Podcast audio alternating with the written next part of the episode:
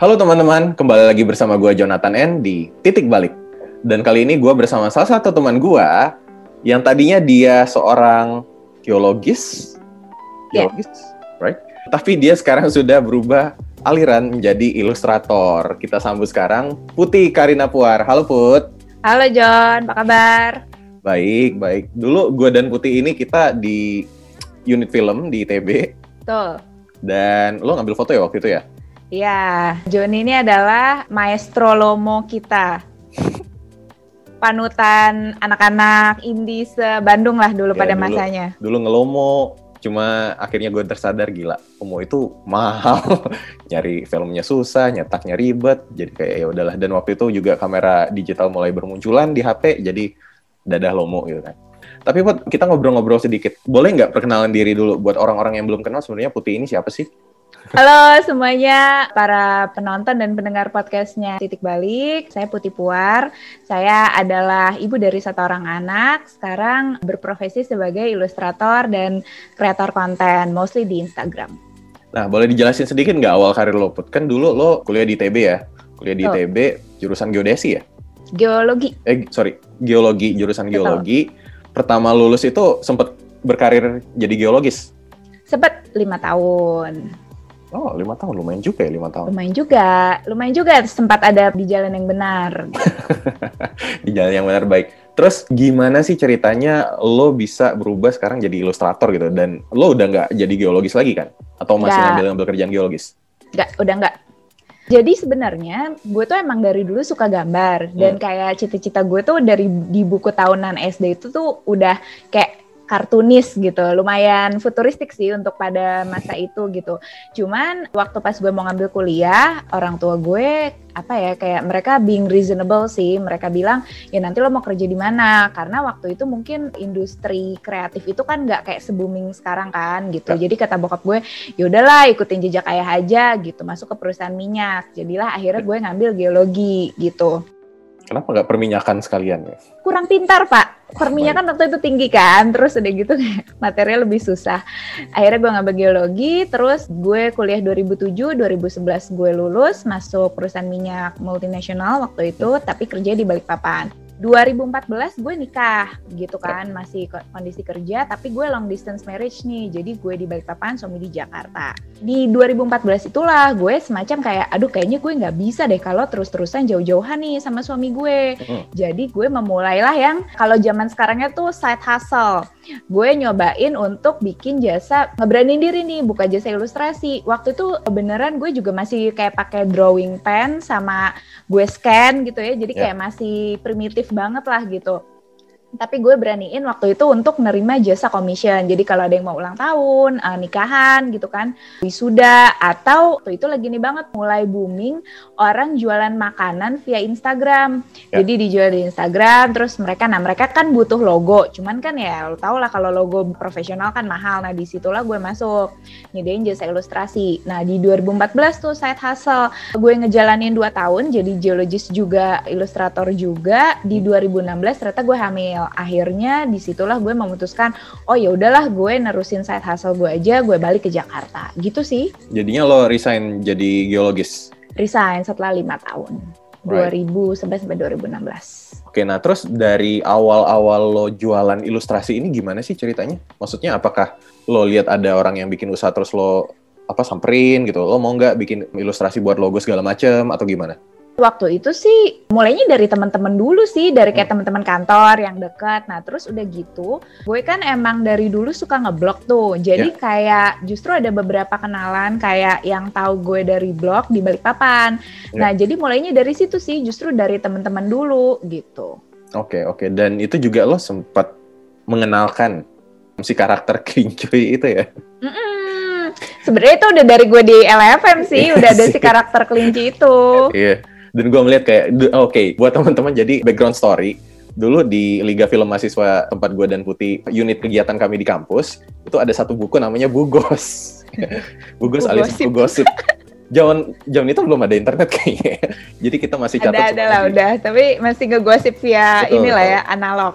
Ya, gosip ya analog. Jadi semua kita curhat di buku dan ada icon ya. Setiap orang punya Iya. icon.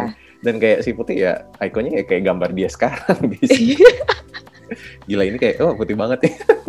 Dan gimana caranya ceritanya sampai lo mengenalkan si karakter-karakter si kelincuy ini di ilustrasi lo sekarang jadi sebenarnya gue tuh ada shifting gitu loh John yeah. dari gue awalnya buka Instagram, bikin Instagram at by putih. Jadi Instagram gue tuh ada yang kayak untuk foto-foto gitu tuh juga ada. Tapi hmm. gue tuh tadinya bikin at by putih itu sebetulnya buat portfolio gitu. Jadi yeah. buat nawar-nawarin ini loh logo yang gue bikin, ini loh jasa ilustrasi yang gue bikin gitu ya buat ulang tahun dan segala macam. Nah tapi ternyata ada shifting waktu gue habis lahiran. Waktu hmm. habis gue lahiran itu gue kan gak sempat nerima jasa orderan dari orang. Yep. Nah di situlah gue memulai akhirnya bikin konten tapi pakai gambar karena udah foto udah jelas dong nggak fotogenik gue gitu.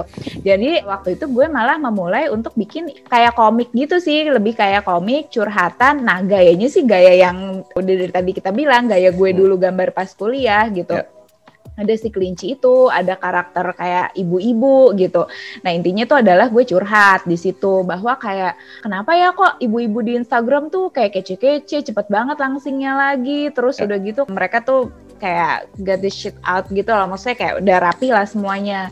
Nah di situ baru gue mulai curhat. Nah ternyata baru di situ akhirnya malah ada bisnis modal baru yaitu bikin konten gitu. Hmm. jadi gue gue baru nerima endorsement sponsor post gitu gitu um, tapi di titik mana konten lo ini jadi booming?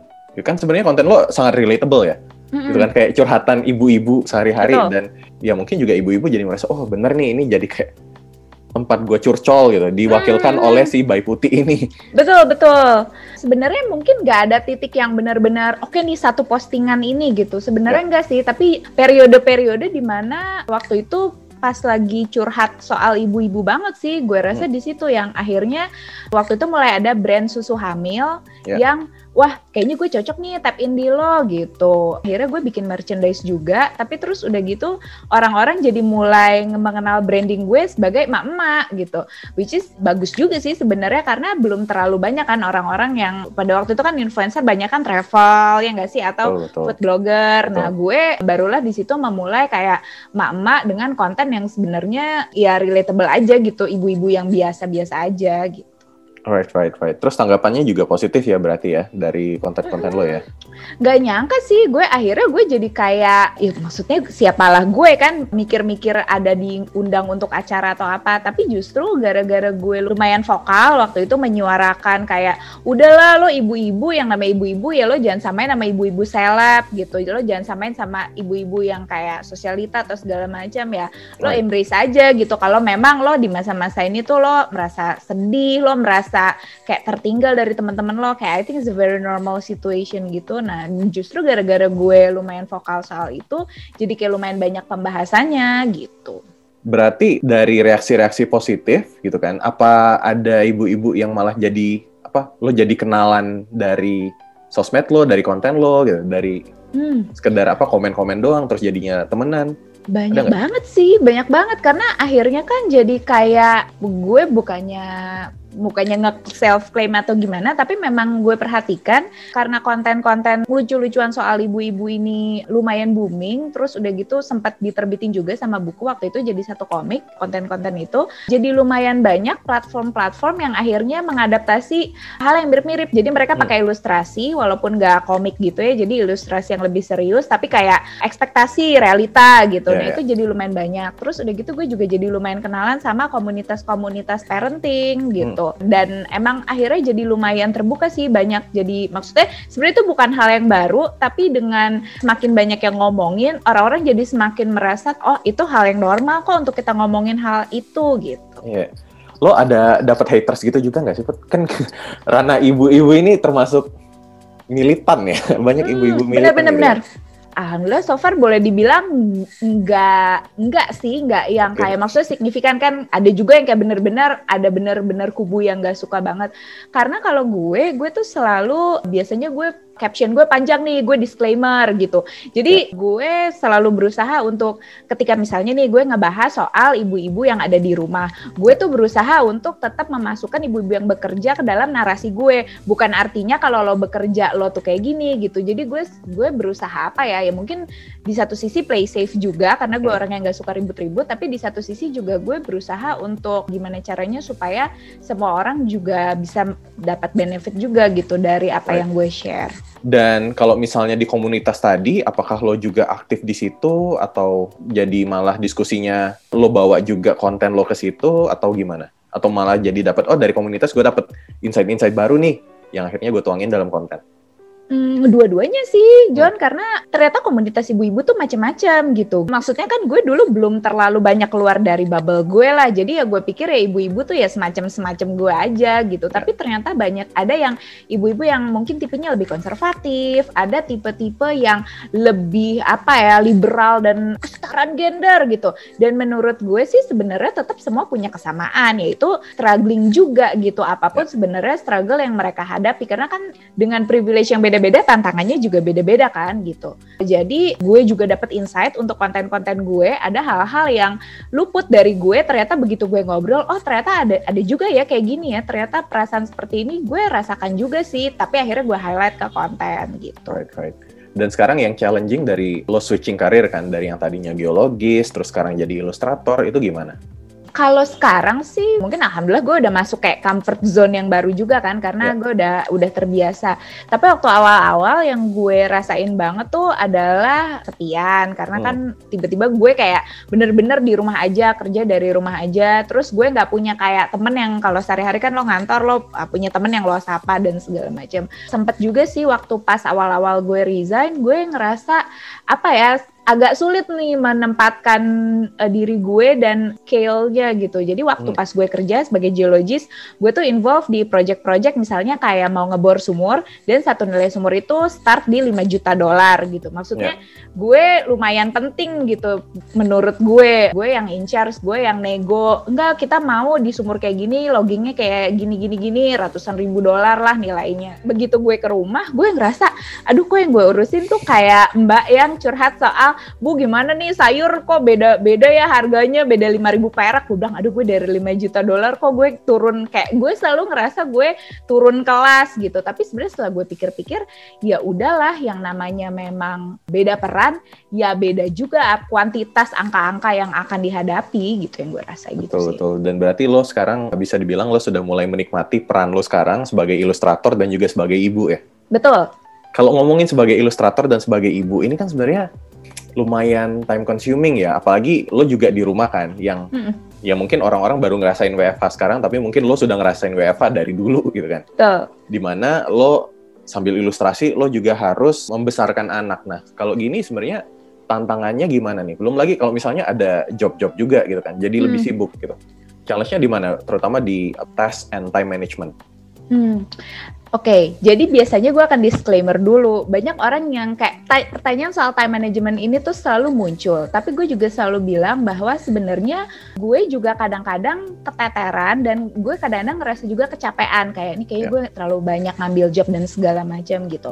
Itu jadi disclaimer dulu ya. Nah, tapi setelah seiring berjalannya waktu, gue itu akhirnya menyadari bahwa nggak ada jawaban yang kayak satu untuk semua ketika ditanya soal time management karena nggak bisa tuh dijawab oke okay, gue pokoknya 8 jam istirahat 8 jam keluarga 8 jam kerjaan. Karena nggak bisa kayak gitu kan. Apalagi dengan tipe kerjaan gue tuh yang macam-macam gitu. Kadang ilustrasi kadang konten kadang live dan segala macam nah jadi gue suka bilang gini, intinya tuh adalah lo perlu tahu tiga hal. Satu, self awareness gitu. Jadi self awareness, lo tahu lo tuh orangnya berenergi tuh kalau apa, lo tahu lo tuh sukanya apa, lo nggak nyaman saat mengerjakan apa. Terus kedua adalah lo perlu tahu goals tuh apa, apa yang pengen lo capai. Dan yang ketiga, lo perlu tahu apa yang menurut lo penting banget atau core values lo apa. Itu yang suka gue bilang gitu. Kenapa? Karena ini semua nanti akan ngaruh bukan hanya ke time management tapi ke the whole resource management termasuk energi gitu. Gue suka ngambil contoh gini, gue nggak bisa masak, eh bisa sih, tapi maksudnya kayak standar banget. Gue bilang, dan gue nggak suka gitu, gue nggak suka masak, dan di keluarga gue nggak ada nilai yang pokoknya ibu-ibu tuh harus masak buat seluruh keluarganya, makanan tuh harus homemade. Di, di keluarga gue tidak ada value seperti itu. Jadi ketimbang gue dua jam nih gue di dapur, gue nya nggak happy, terus makanannya juga belum tentu enak gitu. Gue akhirnya memilih oke okay, dua jam ini berarti gue kerja, tapi dengan kerjaan gue gue bisa membayar catering ya. gitu. Catering yang udah pasti semuanya enak, sekeluarga happy, makanannya menunya juga ganti-ganti gitu. Jadi itulah salah satu yang gue bilang yaitu berarti bagaimana gue memanage energi gue dan waktu gue dalam dua jam, tetap aja gue bisa dalam tanda kutip menghidangkan makanan di meja makan makan gue gitu tapi mungkin caranya aja yang beda nah itu kan hanya bisa gue atur mungkin it, it works buat gue tapi mungkin doesn't work untuk orang lain gitu dan hmm. menurut gue itu hanya bisa jalan ketika gue tahu goals gue apa apa yang gue suka dan apa sih core values gue gitu right. Dan itu juga kan berarti goals dan apa yang lo suka dan core value setiap orang itu beda-beda ya. Jadi Betul. mungkin ada yang lebih menikmati proses memasak dan emang masakannya enak. Oh ya udah bisa aja lebih Betul. engage di situ. Gitu Betul. Gitu ya. Betul, gue setuju. Right, right, Jadi nggak gitu. bisa. Intinya adalah ketika di time management, gue selalu tarik lagi, lo harus tahu dulu diri lo, goals yeah. lo, dan priorities lo. Karena itu akan beda-beda banget untuk setiap orang. Right, right. Ini namanya apa ya disebutnya berarti? Energy management? Energy management gue bisa bilang gitu. Oke, okay, energy management. Nah, terus gue pengen tahu dari seorang putih misalnya, hal yang lo senangkan tadi apa? Misalnya, yang lebih meskipun consuming energi, tapi lo semangat melakukan itu gitu loh. Hmm, gue senang nulis, gue seneng belajar hal baru, gue seneng baca buku, terus gue seneng tuh bikin-bikin konten di Instagram dari apa yang gue suka baca, terus udah gitu gue taruh di Instagram, itu hal yang gue suka dan menurut gue, gue jadi suka karena gue ngerasain ada impact gitu, jadi ada feedback positif dari mungkin audiens gue, terus udah gitu ada impact positif juga untuk gue, itu bikin gue energize banget tuh gitu apa lo nggak kebanyakan? Maksudnya kayak oke okay, lo melakukan semua ini ilustrasi juga gitu belajar hal baru juga gitu hmm. baca-baca juga. Iya gitu kan. Nah apakah ini tidak time consuming? Betul juga sih. Betul juga anda pak. Iya tapi apakah misalnya oh karena lo melakukan itu jadi kayak lo lebih lebih happy jadi nggak kebawa beban gitu kan? Hmm. jadi di satu sisi juga lo sekarang ada asisten rumah tangga juga Ya, itu yang paling penting sih. Ya, jadi di satu sisi lo melakukan lebih banyak hal yang lo suka, Mm-mm. menghasilkan juga produktif kan, ada Mm-mm. ada uangnya juga di situ, lo juga happy dan di sisi lain mungkin lo bisa mendelegasikan pekerjaan-pekerjaan rumah tangga ke asisten gitu ya. Betul, betul. Dan menurut gue, gue juga dengan waktu gue yang ini lagi-lagi ya setiap orang uh, balik lagi pasti semua orang beda-beda. Cuman ya. yang gue rasain adalah ketika gue ada kerjaan, jadi begitu gue ketemu sama anak gue, walaupun kita satu rumah nih, cuman kan ada masa-masa gue nggak ketemu kan. Begitu gue main sama dia, gue tuh kayak bener-bener 100% buat dia gitu loh. Gue lebih fokus gitu. Gue rasa ini kejadian juga sih sama beberapa teman gue yang memang ibu bekerja. Gue rasa mereka seneng kalau mereka tuh punya apa ya dalam tanda kutip bentuk aktualisasi diri ya bentuknya bekerja gitu. Right, right. Anak lu sekarang umur berapa? Empat. Wah, empat tahun. Berarti hmm. sudah mulai enggak sih? Kayaknya umur dua tahun itu yang paling lari-lari sana sini kali ya. Sekarang empat tahun udah iya, mulai diam. Sekarang sama juga sih. oh, sama juga. Oke, sekarang gimana caranya lo bisa mengatur waktu atau mengatur energi tadi di antara kerjaan lo dan juga main sama anak? Kalau gue sih kayak yang tadi gue bilang, gue geraknya dari gue itu selalu memulai dari nyatat dulu nih apa sih yang mau gue capai gitu. Yang mau ya. dicapai itu kan bisa macam-macam ya karena kita multidimensi. Nggak hanya kerjaan doang, tapi juga misalnya gue bilang di aspek keluarga nih misalnya uh, yang mau gue capai adalah anak gue sehat ya kan, anak gue terpenuhi kebutuhannya baik fisik, mental, uh, spiritual gitu kan. Berarti kan gue punya goals tuh di situ. Nah, terus udah gitu nanti goals gue di kerjaan kerjaan apa, lalu goals gue di pengembangan diri apa, itu kan ibaratnya roda kan. Nanti sebenarnya dari goals-goals itu gue nurunin ke actionable plans. Jadi sesuatu yang kira-kira gue bisa capai nih. Misalnya kalau gue bilang gue pengen lebih sukses nih di dunia konten misalnya katakanlah misalnya gue pengen punya lebih banyak audiens. Nah, gue turunin actionable plans-nya adalah berarti contohnya ya gue harus lebih rutin konten, gue harus lebih banyak invest waktu untuk networking gitu kan. Nah, terus udah gitu gue juga butuh bla bla bla gitu. Nah, dari actionable items ini baru nanti gue turunin ke to-do list kayak oh gimana nih kira-kira directionable items ini apa sih yang bisa gue lakukan mungkin seminggu sekali atau sebulan sekali atau bahkan setiap hari begitu juga sama anak gitu. Nah, kayak misalnya ini berasa banget sekarang anak gue baru mulai school from home. Nah, di situlah gue masukin, oke okay, berarti ini harus jadi priority gue nih. Dia seminggu dua kali olah dari rumah, gue harus ngecek tugas-tugasnya dan lain-lain gitu. Jadi biasanya gue gitu sih. Intinya adalah sebisa mungkin untuk memasukkan semua dulu, lalu baru gue atur-atur untuk setiap harinya, setiap minggunya, jadwalnya gimana. Right. Selain school from home, yang paling challenging dengan mengurus anak, terutama di masa pandemi ini apa? Kalau gue pribadi sih kadang-kadang ada nih masanya nih gue lagi kerja, terus anak gue kayak, ayo dong udah jangan kerja gitu. Uh, gue juga mau main sama lo dan segala macam. Itu hmm. ada kayak merasa bersalah kayak gitu. Terus udah gitu gue rasa sih karena kita juga sekarang lagi di masa yang gue juga kesian gitu sama maksudnya oke okay, kita semua kesian sama semua orang tapi gue kayak gue kesian sama anak gue biasanya dia ke playground atau biasanya dia jalan-jalan tapi sekarang dia enggak. Jadi gue ngerasa ada momen-momen di mana gue lebih kayak ngemanjain dia. Misalnya dia minta permen yang biasa gue disiplin enggak enggak. Tapi kadang-kadang gue pikir aduh kesian juga ya nih anak di rumah ya. aja gitu. Gue jadi lebih longgar gitu. Di satu sisi itu challenge juga kan sebetulnya. ya, ya. benar juga sih. Cukup repot ya Cukup Pak. Suami masih kerja ngantor atau di rumah juga? Sekarang pas lagi work from office, okay. tapi kayak di giliran gitu sih dia. Suami juga pasti ada porsi lebih banyak di rumah juga kan? Betul. Gitu. Menurut lo gimana peran suami dalam bantu mengurus rumah tangga, anak juga, dan juga karir lo? Kalau dalam rumah tangga sih enggak sih, emang enggak ada peranan. Jadi baik work from office maupun work from home, enggak maksudnya kayaknya memang tipe suami gue ataupun gue juga ngelihat uh, bokap gue bukan tipe yang kayak involved di pekerjaan rumah tangga. Jadi lebih ke kayak didelegasiin ke uh, support system semacam yeah. asisten gitu. Terus yeah. ya itu tadi kayak catering, laundry kayak gitu-gitu. Tapi kalau untuk ngurus anak, gue ngerasa terbantu banget karena dia jadi lebih ngambil peran untuk ngajakin anak gue main yang outdoor. Gue tuh orangnya hmm. kayak pemalas keluar gitu. Nah, jadi dia ngajakin anak gue main outdoor. Nah, kalau untuk karir gue, ini lucu nih karena sebelum ada work from home kayak gini, hmm. suami gue itu suka dalam tanda kutip merasa kok lo tuh sibuk banget sih? Bukannya lo di rumah aja emang lo ngapain gitu? Nah ternyata begitu sekarang work from home dia kayak bisa ngelihat oh reality itu emang work from home tuh berat ya gitu. Oh work from home itu bukan hal yang orang pikir lebih gampang lah dibanding kerja di kantor gitu. Ternyata memang untuk memanage moodnya itu juga bukan hal yang mudah. Jadi gue rasa malah gara-gara pandemi ini suami gue jadi lebih pengertian sih sama pembagian waktu gue gitu. Right, right. Iya bener loh, kayak ya lo di rumah ya kan tapi namanya kerja. Hmm. bukan masalah rumah atau kantornya tapi kerja apa enggaknya. Kayak lo di kantor kalau magabut juga tidur juga ya lebih santai gitu kan.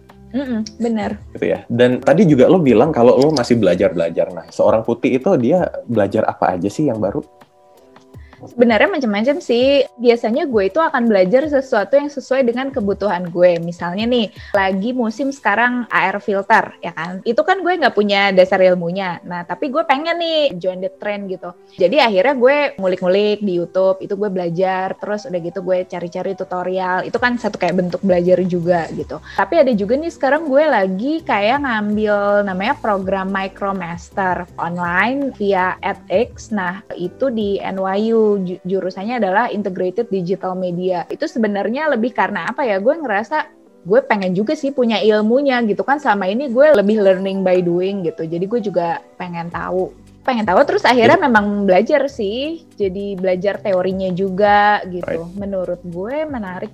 Menarik karena gini loh John. Menurut gue pribadi ya lagi-lagi bisa salah bisa benar menurut gue kan sekarang tren digital media tuh kayaknya geraknya cepet banget kan. Betul. Dan kadang-kadang lo ngerasa ini tuh ke depannya bakal kayak gimana ya. Gue pun kadang-kadang mikir, waduh ini kayak gue yang gue lakukan hari ini, mungkin 10 tahun lagi nggak ada harganya lagi gitu ya, kan. Ya, mungkin semua udah trennya udah berubah. Gue ngerasa dengan gue belajar integrated digital media itu, gue belajar teorinya, gue semacam kayak bisa ngeliat, oh kalau perkembangannya dari zaman dulu sampai hari ini, itu tuh bisa gue jadikan macam prediksi oh dari hari ini ke depan tuh bakal kayak gimana gitu. Jadi gue semacam jadi lebih punya knowledge lah ya, pengetahuan, wawasan, mungkin yang gitu sih.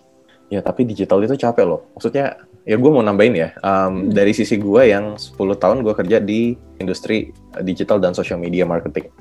Jadi kalau bisa dibilang, kita lihat deh dari 10 tahun lalu, zaman dulu Facebook memperkenalkan Facebook page kan di mana brand bisa bikin fan page di situ, Betul. ngumpulin followers apa segala macam lah bikin konten jadi lebih terpusat.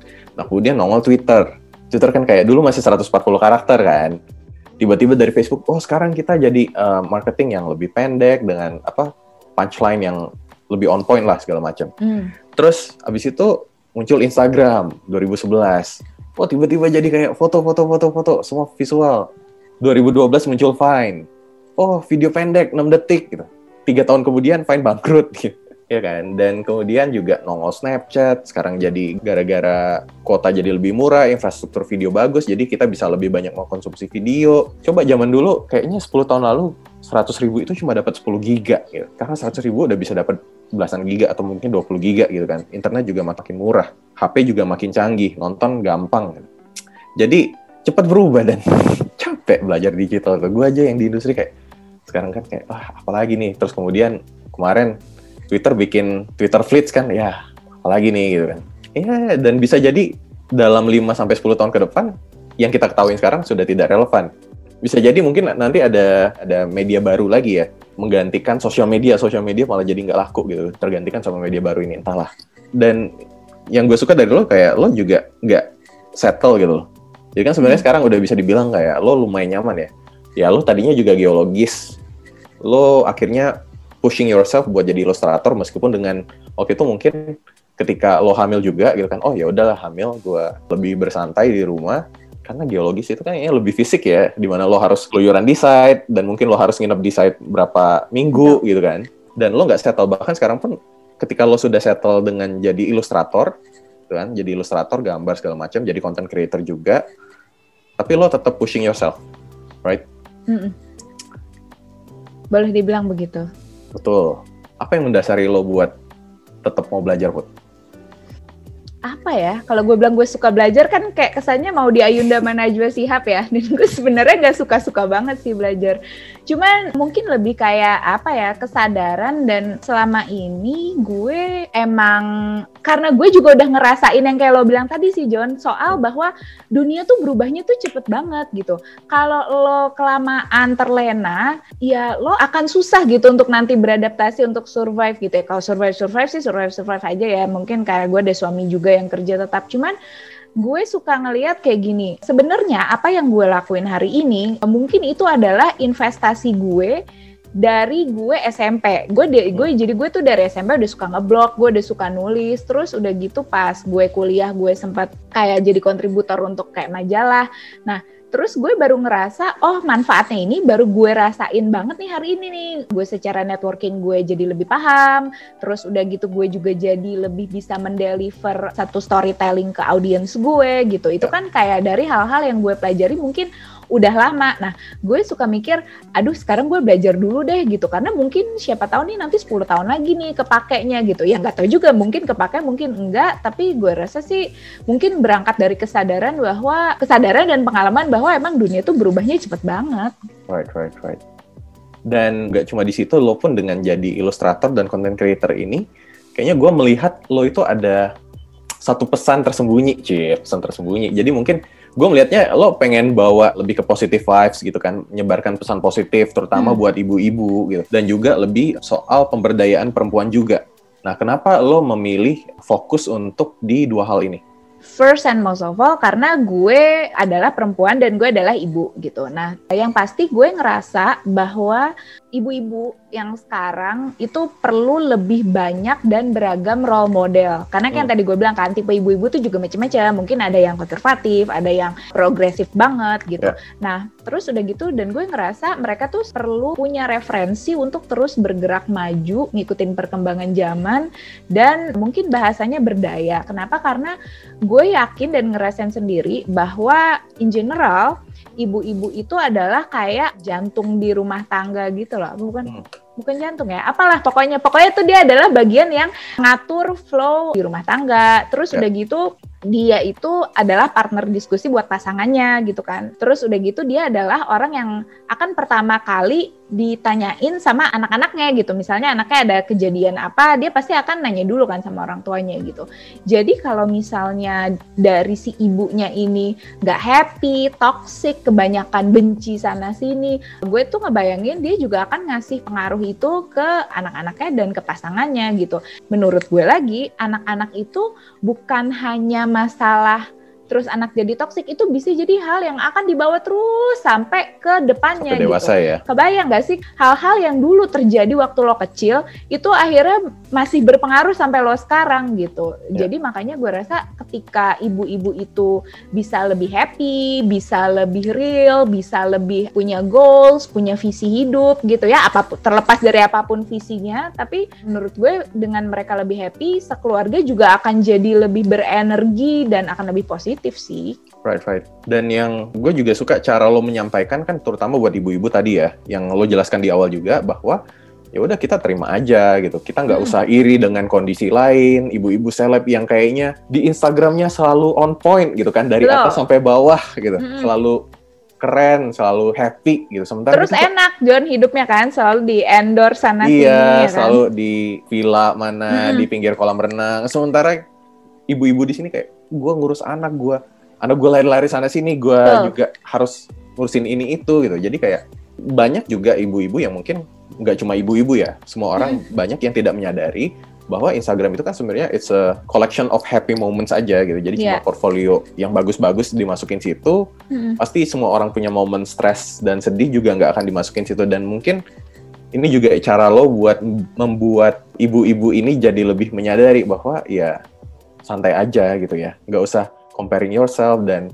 ya semua orang punya struggle kok Gue sih kayak baru-baru kayak mungkin dua tahun belakangan inilah gue tuh mulai mengeksplor kita yang namanya manusia itu pasti bakal compare ourselves. Yeah. Itu kayak satu udah natural lah itu ada di otak kita kita pasti tuh akan membanding-bandingkan apa pun itu angka, membanding-bandingkan diri kita dengan orang lain gitu. Right. Nah, cuman yang gue rasakan dan gue banyak diskusi juga sama komunitas sebenarnya apa sih yang bisa bikin lo tidak terlalu terpengaruh dengan membanding-bandingkan itu gitu. Itu adalah dengan lo lebih sure dengan diri lo gitu. Jadi ketika lo ngerasa oke, okay, misalnya nih ya, gue adalah ibu rumah tangga, pilihan gue nih ibu rumah tangga karena gue mau ngurus anak, gue mau bla bla bla gitu.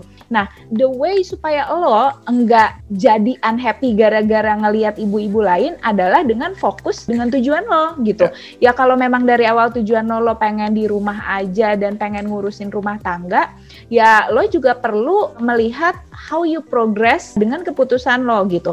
Right. Jadi gue suka bilang, coba deh catat apa sih keinginan lo? Terus apa sih itu gue suka ngomong goals sih apa sih goals lo? Terus how you progress gitu. Karena dengan kita berprogres juga dengan gue biasanya nih misalnya gue bilang oke okay, pokoknya gue tahun ini mau baca sekian buku gitu misalnya kan di set di awal. Ya, itu adalah semacam KPI pengembangan diri gitu misalnya. Nah uh, dengan gue mencatat oh oke okay nih tahun ini gue udah baca sekian buku sekian buku gue juga jadi bisa menghargai progres gue sendiri gitu. Apakah tercapai apakah nggak tercapai. Nah dengan gue juga bisa oh oke okay, gue at least I'm progressing gitu. Gue memang gue pasti beda kok sama si selebgram A karena kan bukan tujuan gue jadi yang kayak gitu. Gue kan mungkin udah punya goals gue gitu. Nah dengan kita lebih fokus sama diri kita sendiri lebih aware sama diri sendiri sebenarnya efeknya tuh jadi akan eh, nggak uh, seburuk kalau kita tuh kayak lepas aja kita nggak tahu mau ke mana gitu. Dengan kita tahu mau ke mana kita jadi nggak sibuk ngelihat mungkin ada orang lain yang tujuannya beda sama kita. Betul betul. Lebih ke apa yang drives kita happy ya. Betul. Tadi kalau misalnya ya bener lo mimpinya adalah membangun keluarga gitu kan, rumah tangga Betul. yang yang harmonis gitu.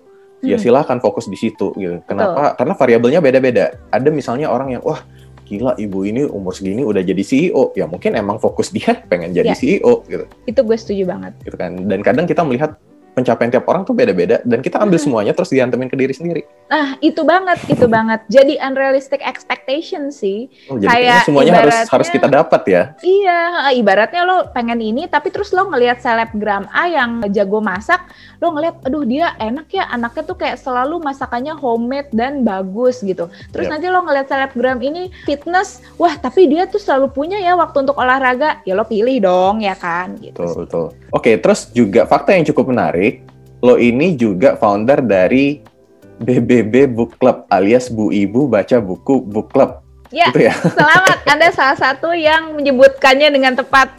Oke, ini B-nya berapa sih? iya, orang selalu nanya B-nya berapa sih? gitu. Jadi, nah, kenapa lo membuat si Bu Ibu Baca Book Club ini? Bu Ibu Baca Buku Book Club. Ya. Itu sebenarnya redundant tau baca buku book club. Iya. Ya udahlah, tapi gim- gimana ceritanya lo bikin si BBB Book Club ini? Sebenarnya itu di 2000, enggak sih baru kayak dua tahun ya, baru Hmm. akhir 2018 gue bikin itu sebagai bentuk keresahan, bukan keresahan sih, nggak resah-resah banget sebenarnya.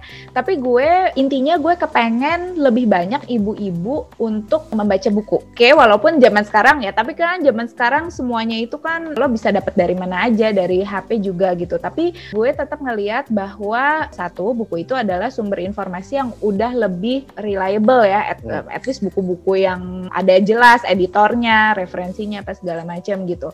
Terus udah gitu baca buku juga bisa membuat lo lebih fokus dan ketika lo baca buku cover to cover lo tuh akan mendapat satu gagasan konteksnya cukup lengkap. Ya. Beda sama kayak lo baca artikel, sebagus apa pun artikel itu kemungkinan lo akan sulit untuk melihat itu secara konteksnya secara keseluruhan gitu. Jadi it's about uh, literacy skill. Nah, balik lagi ke yang tadi John, menurut gue, ibu-ibu tuh penting banget, apalagi zaman sekarang punya kemampuan literasi. Karena kan toh dia pasti akan jadi yang pertama untuk ditanyain sama anak-anaknya. Mah bener gak sih ada hoax A, B, C gitu. Nah, kalau dari ibu-ibunya juga nggak punya literasi skill yang bagus, itu nanti akan berimpact ke uh, keluarganya, anak-anaknya gitu. Nah, terus alasan yang berikutnya adalah sebenarnya baca buku ini masih sesuatu yang sangat penting buat anak-anak. Hmm. Maksudnya, Ezin walaupun sekarang udah ada digital dan segala macam, sebenarnya banyak hal-hal yang lebih benefiting kalau dari buku. Karena ketika lo baca, otak lo tuh berpikir dengan aktif kan, beda dengan ketika lo nonton. Untuk anak-anak itu sesuatu yang masih sangat perlu di nurture. Dan gue yakin sebenarnya ibu-ibu tuh juga ngerti masalah ini gitu. Buktinya apa? Kalau lagi ada bazar buku, buku anak-anak tuh selalu laris. Banyak Betul. banget ibu-ibu yang ngeborong buku buat anaknya karena gue yakin mereka juga tahu, mereka juga senang kalau anaknya suka baca.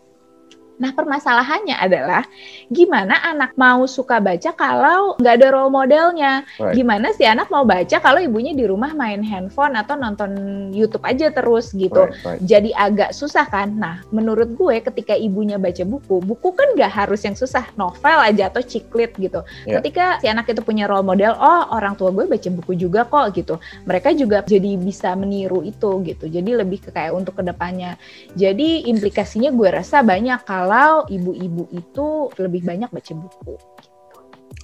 Kalau tips dari lo buat bikin anak lo lebih rajin baca buku apa?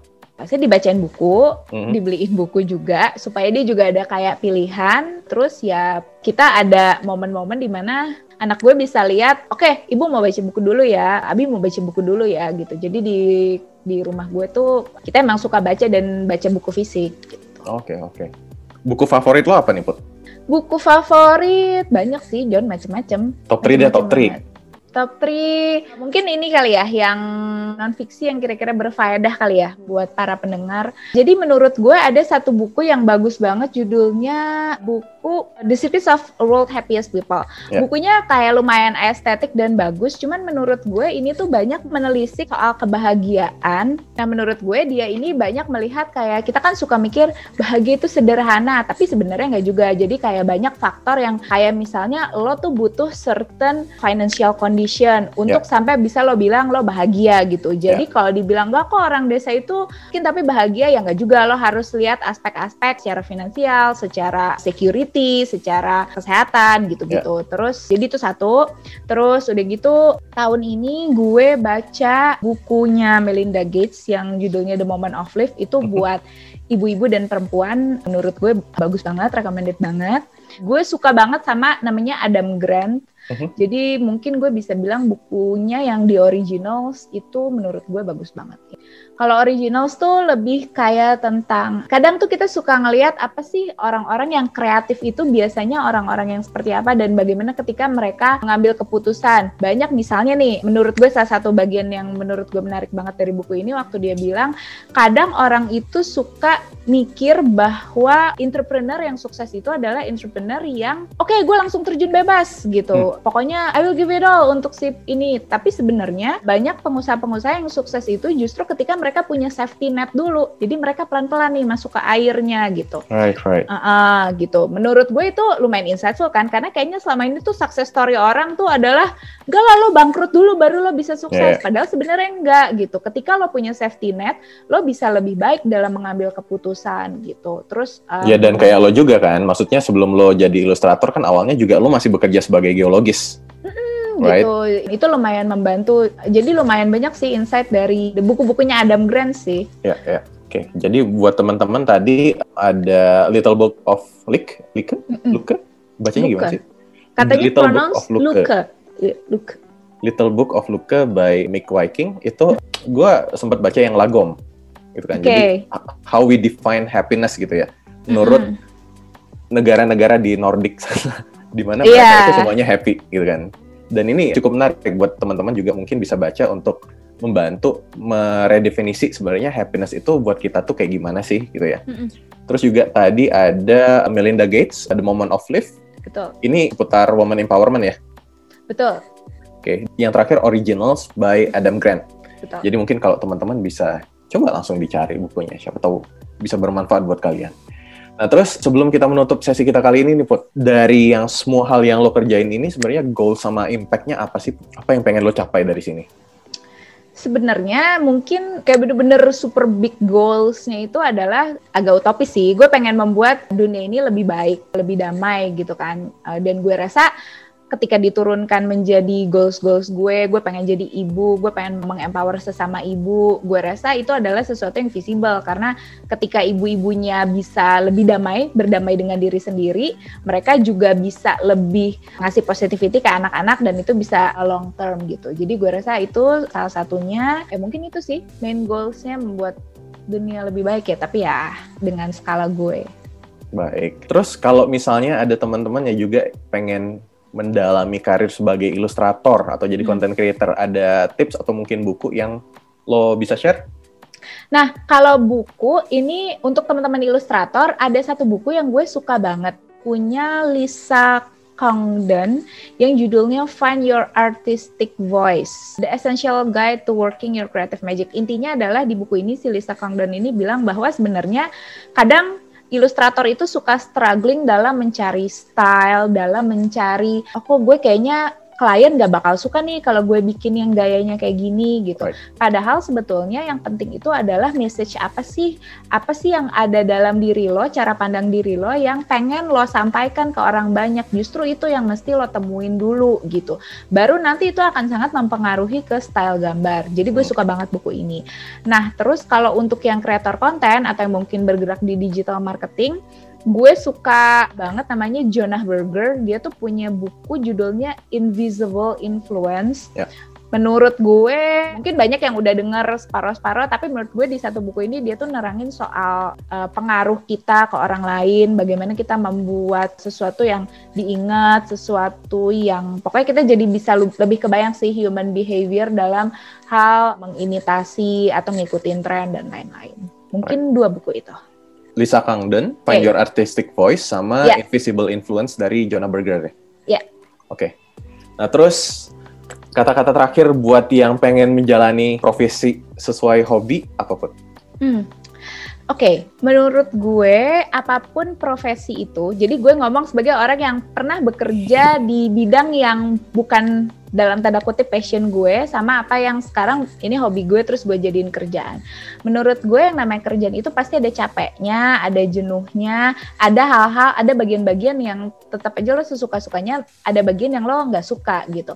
Nah, jadi sebenarnya lo harus tetap bertanggung jawab sama disiplin gitu. Karena gimana pun juga kalau lo nggak disiplin mau lo kerja di yang lo suka mau yang lo nggak suka ya nggak akan maksimal juga gitu. Kadang-kadang kalau lo lagi merasa burn out coba lo lihat apa sih yang udah lo lakuin gitu. Jangan cuma lihat apa yang belum lo capai tapi kadang-kadang kalau lo lagi butuh motivasi untuk maju ya mungkin lo zoom out supaya lo bisa lebih lihat big picture dan further goals lo Oke, terima kasih banyak Putih untuk bincang-bincang kali ini. Semoga kapan-kapan kita bertemu lagi ya setelah corona ini semua kelar. thank you John Baik. Dan buat teman-teman semoga tadi obrolan sama Putih juga membantu kalian buat mungkin kayak ada yang mau switching karir atau mungkin ada ibu-ibu juga gimana sih caranya saya bisa side hustling juga jadi sebagai mungkin ada main jobnya sebagai ibu tapi juga side hustling bisa dilakukan di rumah mau jadi ilustrator mau jadi apa terserah dan juga membantu kita memikirkan ulang kira-kira goals hidup kita apa ya dan apa yang bikin kita jadi lebih bahagia. Semoga tadi cukup bermanfaat. Sampai jumpa di titik balik episode berikutnya.